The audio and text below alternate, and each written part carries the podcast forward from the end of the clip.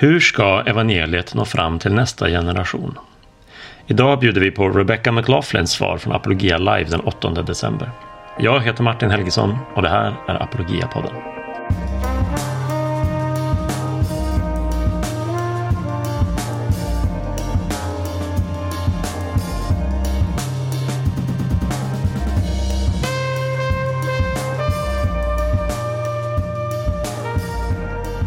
Hallå igen! Här kommer årets näst sista avsnitt av Apologia-podden. Eh, jag gissar att du precis som jag har fullt upp med julbestyr just nu, men kanske gillar du också att lyssna på något medan du pyntar och fejar och lagar mat. Så idag tänkte vi bjuda på en inspelning från vårt senaste Apologia Live från den 8 december då vi hade Rebecca McLaughlin som gäst.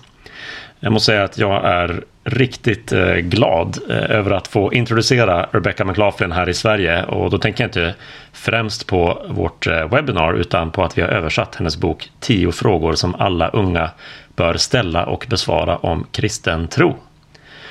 Vi fick den från tryckeriet bara häromveckan och är det så att du inte hann beställa den före jul så vill jag ändå verkligen rekommendera dig att eh, beställa den och eh, ge den till en ungdom i ditt liv. För den är väl värd att läsa och eh, Rebecca McLaughlin är en otroligt bra talesperson för kristen tro. Inte minst för den unga generationen och de frågor och invändningar mot kristen tro som många av många yngre människor i västvärlden kanske framförallt går och bär på.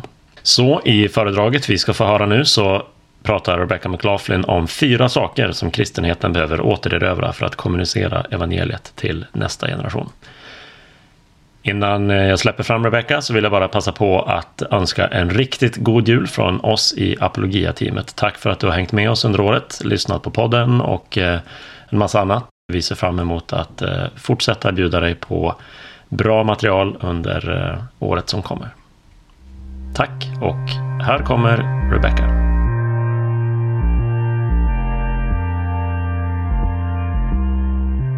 If I could ask you about your your background in general first, and how did Jesus find you, and, and how did you become an ambassador for the gospel, and would you uh, mind sharing some of your backstory Certainly, I'd love to.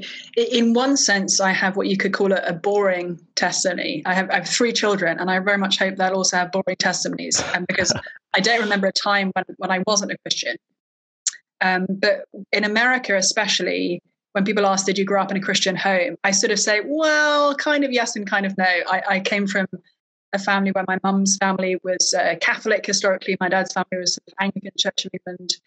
And in both sides of our family, there were some people who went to church because they actually believed, and others who went because it was just you know what you did as a person, oh, their right. Uh, mm-hmm. their time and place and, and, and, culture. And so I think my parents were actually very much figuring things out for themselves as as I was growing up. So I never had that sense, which I think some kids have growing up in Christian families, of you know this is my parents' faith, and I have to figure out how to make it my faith or not. Mm. It, it actually always felt like my faith, and I remember it's it's fun. My, my second daughter is nine right now, and I distinctly remember um, being nine years old and being very sure about Jesus. It was a t- at a time of a lot of uh, difficulty in, in my family, and and where I had a strong sense that apart from Jesus, anything in my life could just be gone in 24 hours. Um, mm. and and so I knew that that Jesus was the only really stable thing then. Um, and I still know that now a little, a few, a few decades later. Um, so yeah, I grew up in a sort of mixed Christian family, I suppose you could say, and spent a long time in um, very academic educational environment. So both through um, school, I don't know, in the US they say high school for the sort of older part of school. In England we call it school, and then university. It's already anyway. Mm-hmm. My education from you know let's say 11 to 25 was in very academic environments where Christianity was seen as somewhat bizarre. Um, mm. You know, there was the sort of cultural Christian heritage. Sure. But in terms of actual Christian faith, that was very much exceptional. Mm. Um, so, so for almost as long as I can remember, I've been having conversations with really intelligent people who have principled um, moral and academic objections to Christianity and trying to explain to them why I think that actually the more closely you look, the more compelling Jesus becomes. Thank you. And uh, and how did it become? So you, it sounds like then you had to be almost an ambassador for for your faith, uh, you know, in your personal and academic life. How how did you become more of a public figure in that sense? You know, started speaking and, and writing. How did yeah, that happen? I, um, I did a fair bit of speaking in the UK. Just even growing up, it was something. Um, you know, I always wanted to talk about Jesus, and I had a sort of training in, in public speaking. So uh, I, I, thought that maybe um, I would end up doing some sort of uh, uh evangelism, um, you know, in a more public way. Um, I, I, stayed on in college to do a PhD after my undergrad because there were so many opportunities to tell people about Jesus, especially oh. I was at Cambridge University, people were coming from all over the world, um, really intelligent people, many of them with very little exposure to Christianity or certainly not to a kind of compelling Christian witness. Um, played football with a, a, woman from Sweden, for example. Oh, really? Uh, so yeah, so I, I stayed, um, you know, stayed in university mostly for that. Honestly, much as I loved studying Shakespeare, um, it was more of a nice to have. And then at the end of that, um, went to seminary theological college for three years. Uh, right at the end of, of my PhD, I, I, met a guy from Oklahoma in America who um, was the only sort of uh, very seriously Christian man um, to ask me out who wasn't a sort of complete social like dud. um, uh, having yeah, yeah, I'll I'll leave it to your uh, yeah. imagination. But there, uh, um, I grew up in a uh, academic world with lots of mathematicians, and um, they don't that doesn't always come with finely tuned social skills. So. Uh, anyway, I ended up uh, dating this guy Brian from Oklahoma, and he uh, we got married after my second year in um, in seminary. He was very keen to move back to the US, and so uh, and which I frankly I didn't want to at all. I, I, I didn't want to leave my homeland or my family and friends. I especially didn't want to leave a relatively gospel poor country mm. for a, a, more gospel rich country. Sure. So moving yeah. to America seemed like a very strange thing. But I, I figured to myself that all other things being equal, making a sacrifice for another Christian usually doesn't put you too far outside God's God's plan for your life. That's true. okay, we'll, we'll, try America. And I ended up spending nine years working for something called the Veritas Forum, where I was meeting Christian professors in um, uh, top universities from across the world in fields as diverse as sort of philosophy and history and science and um, psychology. And after that, I felt like I had uh, a roadmap of where the real conversations were at in terms of Christianity in the academic world. And I hmm. think, mm. sadly, a lot of Christian sort of apologetics has happened in its own little bubble where right. um, people have been able to make claims that honestly just wouldn't stand up in court in the university. But I, rather than that being a, a depressing reality, I actually think it's a very hopeful reality because when we look in the university itself, we find serious followers of Jesus at the top of every single field that's supposed to have disproved or discredited the Christian faith. So I, I got to know some of those people, and then I wrote Confronting Christianity to try and share their um, insights, stories, and research with the broader public. Yeah. Well, great. We're very, very thankful that you that you chose to do that.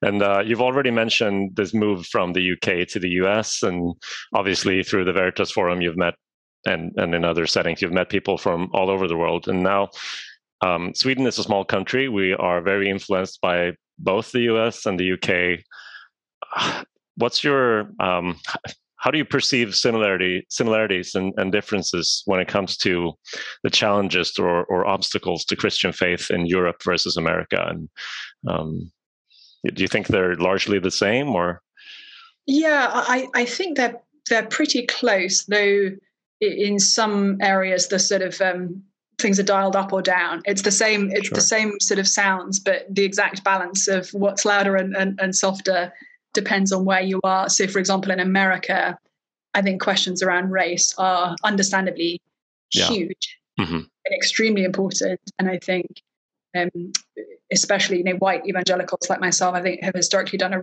really poor job both of obedience to the scriptures when it comes to race and of, of yeah. actually speaking compellingly today. Um, I think our black brothers and sisters have done a, a, a lot better. Um, so, so, so, that's a you know an especially big issue in America relative to the UK. Not that we don't have um, problems with racism in the UK, but mm-hmm. the reality is in the UK we outsourced slavery to other places rather than kind of um, you know we we made money off the backs of slavery in other other nations rather than yeah. having slavery in our own country. Um, so it's just had slightly different implications. I think questions around sexuality are very acute in in both countries, and I guess it's perhaps even more acute in, in Sweden where you guys yeah. are. I know it's definitely dialed up. Uh, yeah, to use that metaphor. Yeah. yeah. Um, I think what's what's strange to me in the US is meeting cultural evangelical Christians.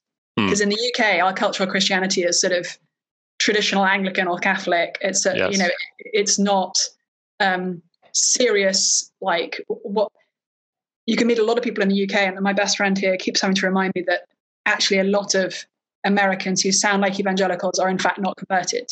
Mm. And it's so weird to me because I expect to only hear um, you know things about Jesus in this in, in that kind of language from people who are very committed believers. But in America, you, yeah, you can be a, a, cultural evangelical, which is actually right. kind of a scary thing. Hmm. Yeah, that it is. You're right, and that's that's interesting. Um, okay, well, tonight we're going to hear you uh, speak. Uh, you're going to give a presentation, but this is also sort of a, a digital book release, and uh, we um, well, first of all, congratulations on the great success you've had and with your writing over the last few years. Uh, as I mentioned before, confronting Christianity was a was a huge hit, and now we have uh, chosen to to start out with translating your second book, uh, Ten Questions Every Teen Should Ask and Answer About Christianity.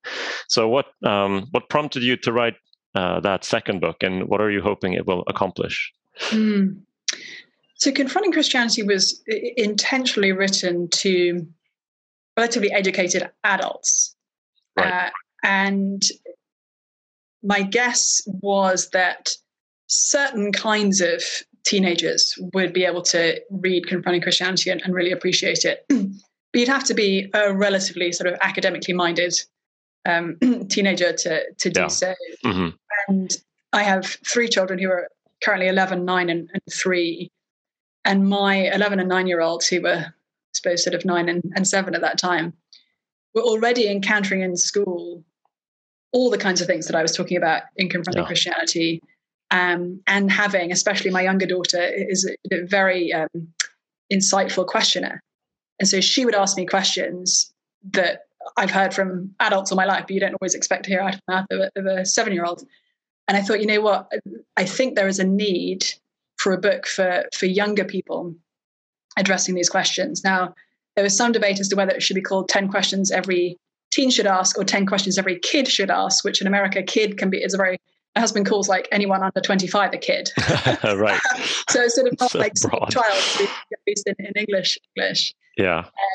Uh, I, I wrote that book actually with sort of 10 to 14 year olds, especially in mind. Hmm. I think there are there are quite a lot of older teens who would find it much more helpful.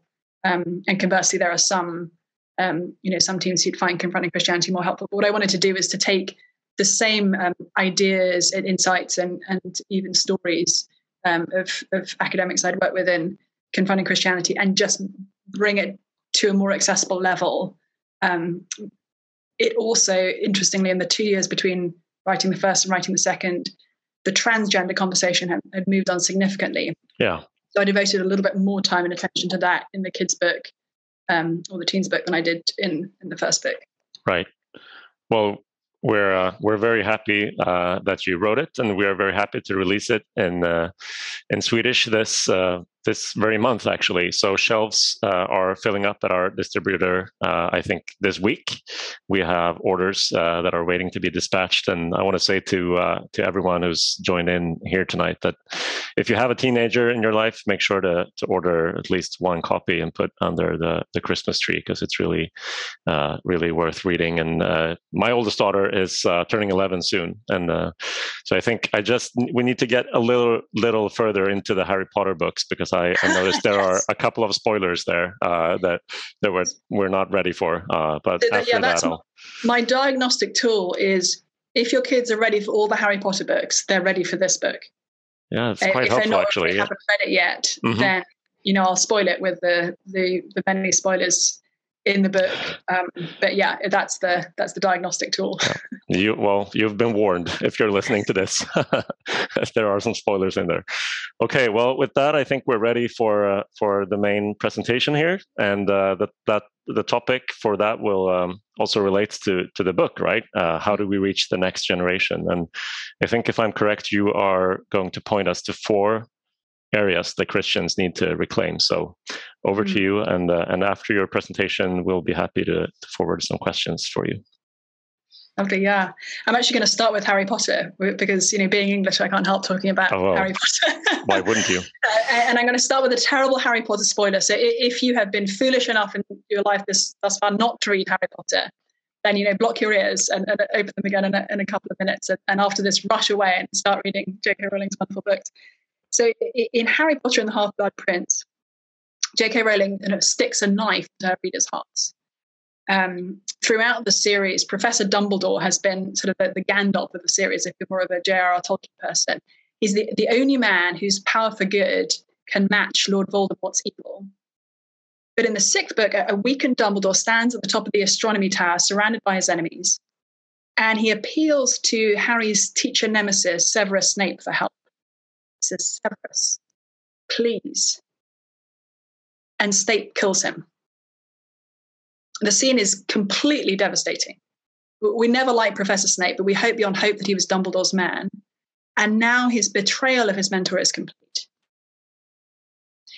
It's not until the last book of the series that we realize that we got our uh, understanding of that scene completely wrong when, when Harry extracts memories from the dying Snape's mind and he pours them into this Pensieve, this magical ball where you can look into somebody else's past. And there we find that everything that Snape has done has been driven by his passionate, hopeless, unrequited love for Harry's mother. We see Snape's anguish when Lily Potter is murdered by Voldemort. We see how he thenceforth commits himself to Dumbledore we hear Dumbledore telling Snape that he is dying from the slow workings of an irreversible curse and making Snape promise to kill him when the moment comes. And suddenly the meaning of Severus, please, is reversed. When our non Christian friends look over at the Christian faith, they see an awful lot of things that look like Snape killing Dumbledore. They see a, a white centered religion with a, a history of racism and scriptures that condone slavery. They see an anti intellectual mindset and a contradictory Bible that's been disproved by science again and again. They see homophobia, the denigration of women, and a refusal to acknowledge that love is love. But I think if we if we look at any of these perceptions more carefully, we realize that rather than being terrible roadblocks to faith in Jesus, they actually become signposts. Just as Harry's understanding of what Snape was doing completely changed when he understood more of his story, I think if we look more closely and if we can invite our friends to look more closely, we'll realize that, that precisely the opposite of their perceptions is true. So, in our little time this evening, I want to suggest that in order to um, capture the opportunity before us, there are four things that we need to do. We must reclaim diversity, we must reclaim the university, we must reclaim morality, and we must reclaim sexuality. But we must do all these things with humility and not by watering the Bible down, but by lapping it up. So the first thing we must do is reclaim diversity. on February the 23rd of, of 2019, um, a Nigerian street preacher named Oluwole Ilesanmi stood outside a train station in London where I come from, preaching to the commuters as they went by. And two white British police officers came up to him and gave him a choice. He could go away or be arrested. I will not go away, Mr. Ilesanmi replied, because I need to tell them the truth. And Jesus is the only way, the truth, and the life. Nobody wants to listen to that, said the police officers. They want you to go away. You don't want to listen to that, Mr. Ilesanmi replied. You will listen when you are dead. You will listen when you are dead. And so he was arrested. Uh, what do we make of this? Uh, are we encouraged by our brother's faith? I certainly am. are we reminded that preaching the gospel always comes at a cost and that we Christians in the West have actually got far too used to a comfortable life, for sure. But a black African street preacher proclaiming the exclusive message of Jesus while white Westerners block their ears is a little parable for the religious world today. You see, 40 years ago, um, most sociologists of religion believed that as the world became more modern, it would become less religious, and that over time, Christianity would actually decline. It, it was what had happened in, in Western Europe. And so the logic went where Western Europe leads, the rest of the world must follow, right? But in the last 40 years, we have seen the, the failure of that secularization hypothesis. And not only is it the case today that, that religion has failed to decline as people thought that it would as the world became more modern, more educated, more scientific, but actually, as experts now look out over the next 40 years to 2060, they're anticipating an increasingly religious world. So, right now, Christianity is the largest global belief system, with about 31% of the world identifying as Christians. Now, of course, not all of them are going to be serious followers of Jesus, but if we just compare like with like in terms of identification, that proportion is set to increase slightly by 2060 um, to about 32%. Meanwhile, Islam, the second largest belief system in the world, is set to increase significantly from about 20, 25% to 31%, making it a very close competitor with Christianity. Um, Hinduism and Buddhism are both set to decline slightly. And here's the real shock the proportion of people who are not affiliated with any global religion, so that includes atheists, agnostics, and people who would just um, select none if they were giving us census and know, which religion do you affiliate with. That proportion is set to decrease from about 16% to about 13%. So, so the world isn't actually becoming less religious, it's becoming more. Now, this, this comes as a shock, I think, to our non Christian friends. But what's perhaps even more surprising is that Christianity is the belief system of diversity. So today, that, that 31% of the world who identify as Christians, that represents the, the, the most diverse group in terms of um, racial, cultural, and geographic spread. Today, uh, China is the global center of atheism. But experts believe that there will be more Christians in China than in America by 2025. And some leading experts of sociology of religion in China even think that China could be a majority Christian country by 2060. So, so the tide isn't isn't going out on Christianity; it's it's actually coming in. What's more, by 2060, about 40% of the world's Christians could be living in sub-Saharan Africa. And, and we see this extraordinary diversity sort of across the world. And, and even um, I certainly see it in, in my local community here in, in Cambridge, Massachusetts. So I live in, in Cambridge, in, in Somerville, which is the adjacent city. English is the third most commonly spoken language at evangelical churches after Portuguese and Creole. It's extraordinary diversity of God's people.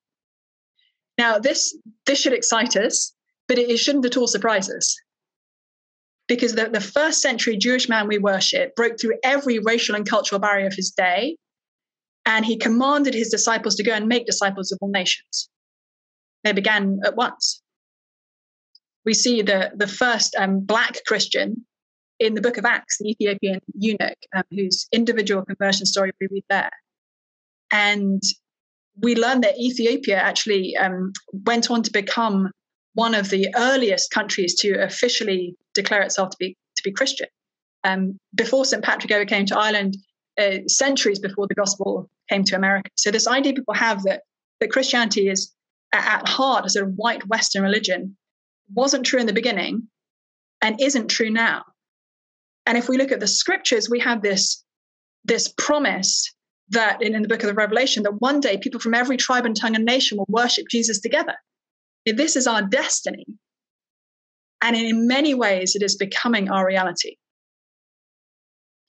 Now, when when my non-Christian friends hear the word evangelism, they tend to imagine white Westerners forcing their beliefs down other people's throats. But that perception has to change when they realize that, that most evangelicals actually are not white Westerners. And increasingly, most evangelists are not white Westerners. And at that point, the exclusive message of Jesus becomes harder to dismiss. Because when um, Oluwole Ilesanmi said that Jesus is the only way, the truth, and the life, he wasn't saying my culture's cooking is better than yours. He was saying I was starving too until I found bread. So that's the first thing that we must do as we reach out to this next generation. We must reclaim diversity. The second thing I think we must do is to reclaim the university. a good friend of mine um, from grad school in, in Cambridge is now a professor at Harvard University. He's, he's so intelligent that he's not a professor just in one department in the, in the sort of world of science. He's a professor of the natural sciences. And a few years ago, I, I took him to an event at Harvard in which the agnostic chair of the Harvard philosophy department was in dialogue with um, N.T. Wright, well-known um, British New Testament scholar you guys may well have come across. And the title of the event was The Bible, Gospel, Guide, or Garbage. And after the event, I said to my friend, um, I know that you think that what I believe is crazy. And his then girlfriend, who was much of gentler soul than either of us, said, Oh, I'm sure he doesn't think that. I said, Yes, he does. I believe that the entirety of human history revolves around a first century Jewish man who died on a cross and was supposedly raised to life three days later. Crazy, right? My friend agreed.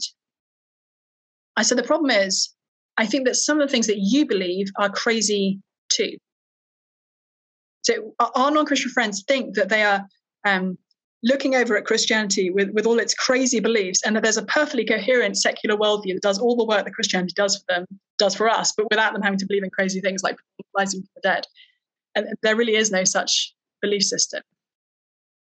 And, and, and in the next generation, I think the university is going to have to reckon with Christianity again. You see, for, for many decades now, this idea that the world is becoming less religious and that Christianity is declining and that it is aligned only with sort of a, a, a white Western um, mindset that, that's um, crumbling away, that functioned in at least the Western academic world, uh, not just as a diagnosis, but also as a prescription. So it's not, it wasn't just what would happen, but it's what should happen. So, so what are Western academics going to do when they realize that it hasn't happened. And the atheism, far from being the belief system of diversity, is actually the belief system of predominantly white Western men and communist regimes. There's a, a guy named um, Fenggang Yang, who's um, one of the leading experts of, of sociology of religion in China. He's based at Purdue University of America. And, and he says that there's going to have to be um, a, a paradigm shift in the university, much like a scientific revolution that's his language, not mine. When the failure of the secularization hypothesis comes home to roost. Now, again, this should excite us, but it shouldn't surprise us. Because Christians actually in, invented what we now call the university. And universities like, like Harvard and, and Yale and Oxford and Cambridge were, were founded in order to bring glory to Christ know, Jesus calls us to, to love God with all our heart and our soul and our mind and our strength. He's not content with three out of four. And if we look back over the last 2,000 years, we find that Christianity is, is actually the, the greatest intellectual movement in all of history. As I mentioned um, in the interview earlier, I had the privilege over nine years of meeting some of the, the world's leading scholars in, in fields as diverse as sort of physics to philosophy to psychology to history um, who, who, are very serious followers of Jesus. And, and the idea that if you actually take the academic world seriously and if, and if you pursue, um, pursue truth in that world, that you're going to be walking further and further away from Jesus is actually completely wrong. In, in fact, as I mentioned, Christians sort of invented the modern university. Some of the the greatest philosophy of all time has been dreamt up by Christians. Some of the greatest literature of all time has been written by Christians.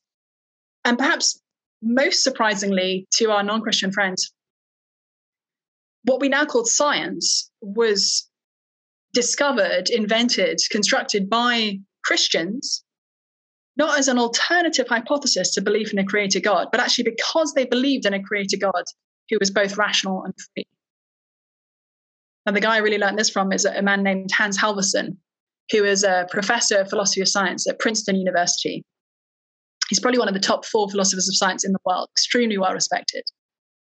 And he says that not only is it the case historically that Christians first developed what we now see as the modern scientific method, but that even today, Christianity gives science a firmer philosophical foundation than atheism. In fact, he says atheism doesn't give you a philosophical foundation for science at all.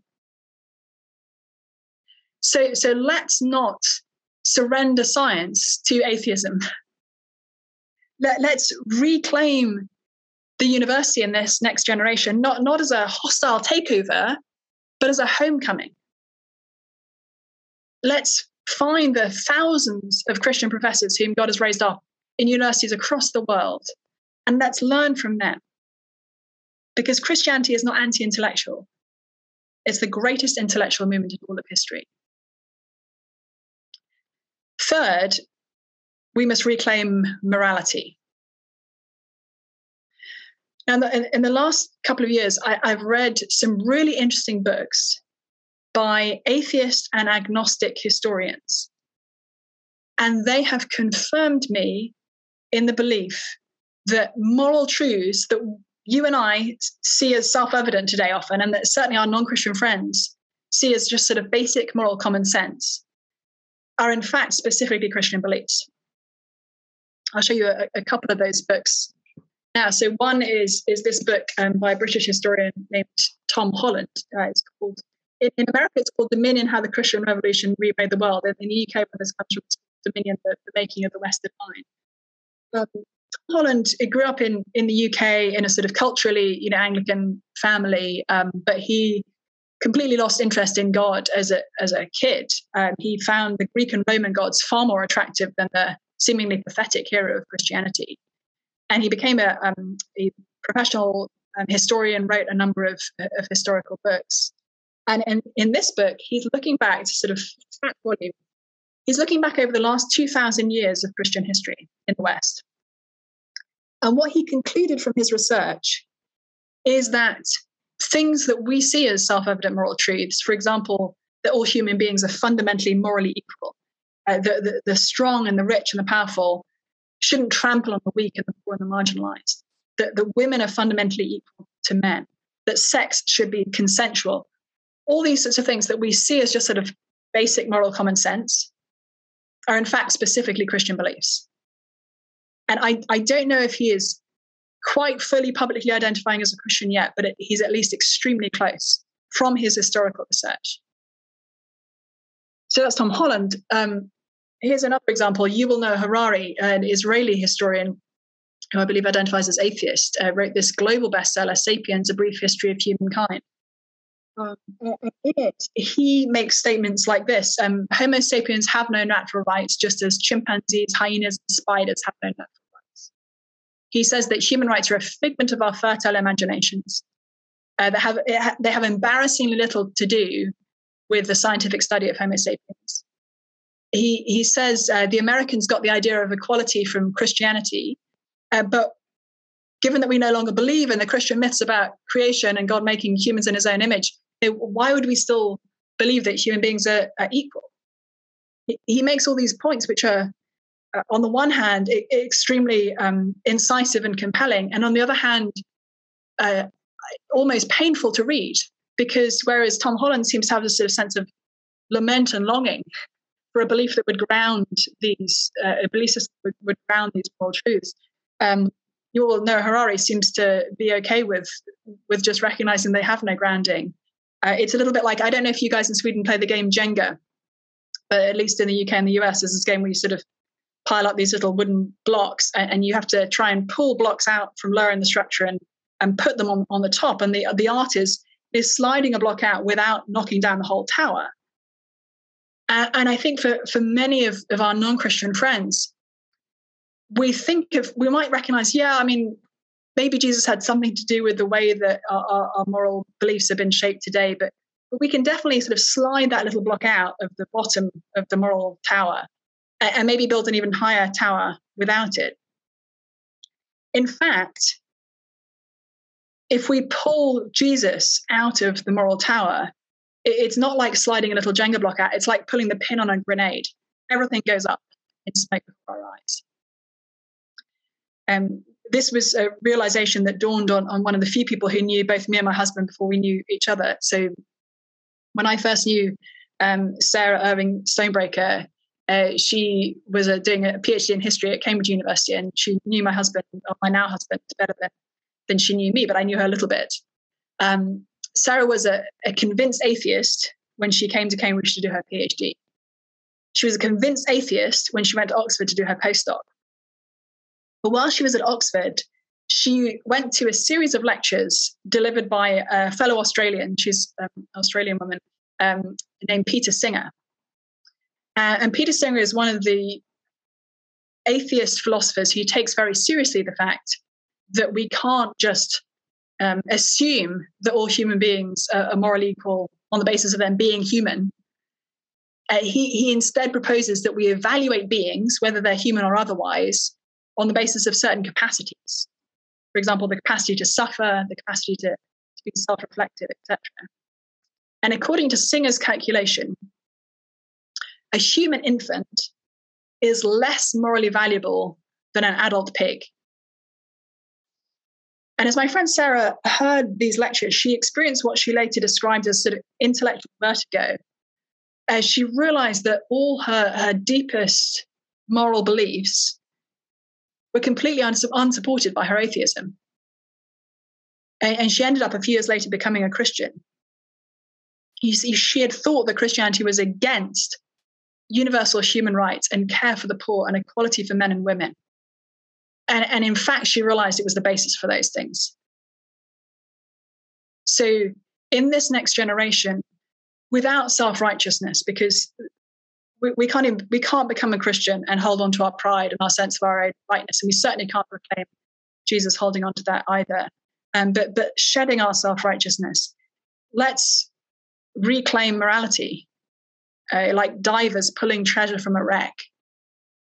And, and let's flee self righteousness like toxic waste because Christianity is actually the greatest movement for justice in all of history. And without Christianity, we don't even know what justice is. And finally, last but not least, as we say in England, uh, we must reclaim sexuality. When Snape killed Dumbledore, all doubt in the reader's mind as to whether he was on the side of good or evil died as well. And when you and I stand for Christian sexual ethics in our cultural environments today, we move over in people's minds from delusion to bigotry. Eh, we're not just sort of foolish for believing what we do, we're actually morally wrong. But just as, as when um, Harry dived into Snape's memories, he realized that Snape's story was a story of love, not of hate. So I think that when we dive into what the Bible says about sexuality, we find that it's a love story too. The love story begins in, in the Old Testament um, as prophet after prophet compares God to a faithful, loving husband and Israel to an often unfaithful wife it, comes into to new focus in the New Testament when Jesus steps onto the stage of human history and declares that he is the bridegroom. Um, it, it finds even greater clarity when Paul explains in his letter to the Ephesians that human marriage is like a little scale model of Jesus' love for his church. And the love song rises to a full blown crescendo in the book of Revelation when a great multitude shouts out, The wedding of the Lamb has come, and Jesus' marriage to his church brings heaven and earth back together. This is why Christian marriage is male and female, and why husbands and wives are called to different roles. Like Christ in the church, it's a love across a difference. Like Christ in the church, it's a love built on sacrifice. Like Christ in the church, it's a, it's a life creating, flesh uniting, never ending, exclusive love. Marriage is meant to point us to Christ but it's also meant to disappoint us. Because if even the greatest human romance could only ever be a tiny echo of Jesus' love for us. Now, I think one of the great ironies uh, of the last generation is that the sexual revolution of the 1960s was sold to us as the liberation of women. You know, for centuries, men had been finding ways to sort of sneak around Christian marriage and have commitment free sex. And now, great news, thanks to the pill, women could do as well. But in the 60 odd years since the sexual revolution, um, at least in America, women's self reported happiness has actually declined despite increases in, in freedom and, and opportunities and, and, and many um, many good things. Why is this? I think a lot of the reason is actually commitment-free sex is a poison chalice. So there's a lot of um, research has been done that has shown that stable marriage is correlated for both men and women with um, positive mental and physical health outcomes. But for women in particular, actually, increasing our numbers of sexual partners is correlated with negative um, mental health outcomes. So, whether it's uh, increased levels of depression, um, suicidal ideation, drug abuse, alcoholism, you name it, um, having multiple sexual partners turns out to be sort of meaningfully bad for women. Um, we, we, were offered a, a sort of elixir of life, and we were in fact handed a poison chalice by the sexual revolution. So we mustn't uh, lose our confidence in Christian marriage.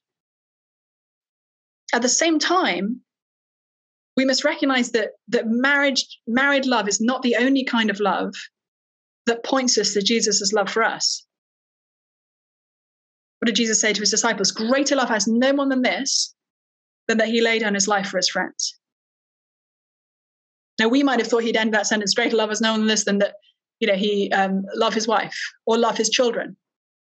But actually, it's the laying down of life for your friends that Jesus says is as good as any other kind of, of human love. And, and one of the things that I've come to understand as someone who, all my life, as long as I can remember, I've been a Christian, as long as I can remember, I've been attracted to women. And if, if I were not a Christian, I think it's highly likely I'd be married to a woman today rather than being married to a man. Um, but rather than Christianity offering, offering us a sort of um, vision for love that is only male female. Actually, Christianity offers us a, a, a particular vision for male female love and marriage, and another different and equally beautiful vision for love and friendship, which is not exclusively same sex, but actually predominantly, and I think um, you know, in, often in its best form, um, love between people of, of the same sex. Um, and I think one of the things that, that we need to do if we're going to reclaim the next generation for Jesus is to reclaim fierce, abiding, non erotic, non romantic love. We need to recognize the beauty of friendship, not setting it up as a sort of pseudo marriage with all the, the, the necessary exclusivity of marriage, but actually um, as something that is equally beautiful and by definition inclusive. And I think we have a great opportunity to do that and to recognize that the primary family unit for Christians is actually not mum and dad and two, 2.4 kids. The primary family unit is the church. Now, you may hear all of this and think, um, you know, I must be a very strange sort of person to be someone who's you know, predominantly attracted to women, but, but married to a man isn't that sort of very odd thing to be? Um, I mean, I am kind of strange, but not for that reason. There are other, other weird things about me.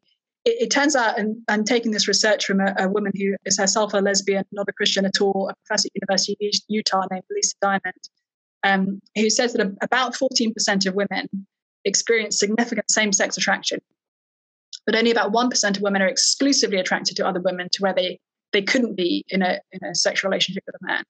And for men, it's about seven percent who uh, experience same-sex attraction, about two percent who are exclusively same-sex attracted. So this idea that many of us have been brought up on that you're kind of either gay or straight, and that that's just sort of something fixed from infancy, um, doesn't actually map onto the current research. Because what, what Lisa Diamond's also found is that a lot of people experience change through their lives in, in any direction.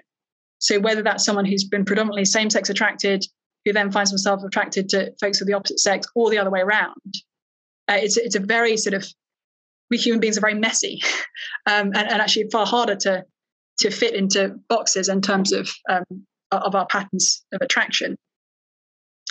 And one of the things that says to me is that actually, all of us are to some extent in the same boat if we're Christians. Um, I, I can't see your faces. Uh, and if I could, I wouldn't ask you to raise your hand. But um, if I did ask you to raise your hand, if you have ever been attracted to somebody you're not married to, my guess is basically everybody on this call will be sort of giving me a little wave. The, the question for us is not, are you ever attracted to someone you're not married to? But will we submit our attractions to Christ? And, and I think one of the things that we must do in order to reclaim um, this next generation for the gospel is, is actually to discover the same sex attracted brothers and sisters uh, within our churches, within our networks and environments who um, have decided to trust Jesus with their sexuality. Because there, there's actually no more powerful way to witness in this generation than to sacrifice sexual or romantic fulfillment because we believe in a better love. The, the same sex attracted believers in, a, in our congregations are, are not an embarrassment, they're actually an asset because our, our, generation is sort of blocking its ears to the gospel because of this issue. And, and our same-sex attracted brothers and sisters are like a god-given swat team to burst through those defenses so so let's reclaim sexuality in this this next generation. Let's reclaim christian friendship as a real and meaningful thing. Let's reclaim the church as the primary family unit and let's invite people into that because there's actually no deeper longing in people's hearts than to be part of a, of a real family. And that is something that we as as as christians in our imperfect sinful messed up ways can do as we reach out with jesus love to those around us. So just to recap those four points um, we must reclaim diversity we must reclaim the university we must reclaim morality and we must reclaim sexuality, but we must do all of these things with humility. We must repent of the ways in which we've allowed racism to thrive in, in our churches. We must repent of the ways in which we've abandoned the life of the mind. And we must repent of self righteousness. And we must repent of the, the actual homophobia that's meant that our brothers and sisters who experience same sex attraction have, have, have found themselves sort of huddling in the cold um, feeling like they're uh, alone and unwanted and unloved. Um, we need to take a hard turn away from ourselves and a hard turn towards the scriptures because Jesus is not a relic of the ancient world. He truly is our modern world's best hope.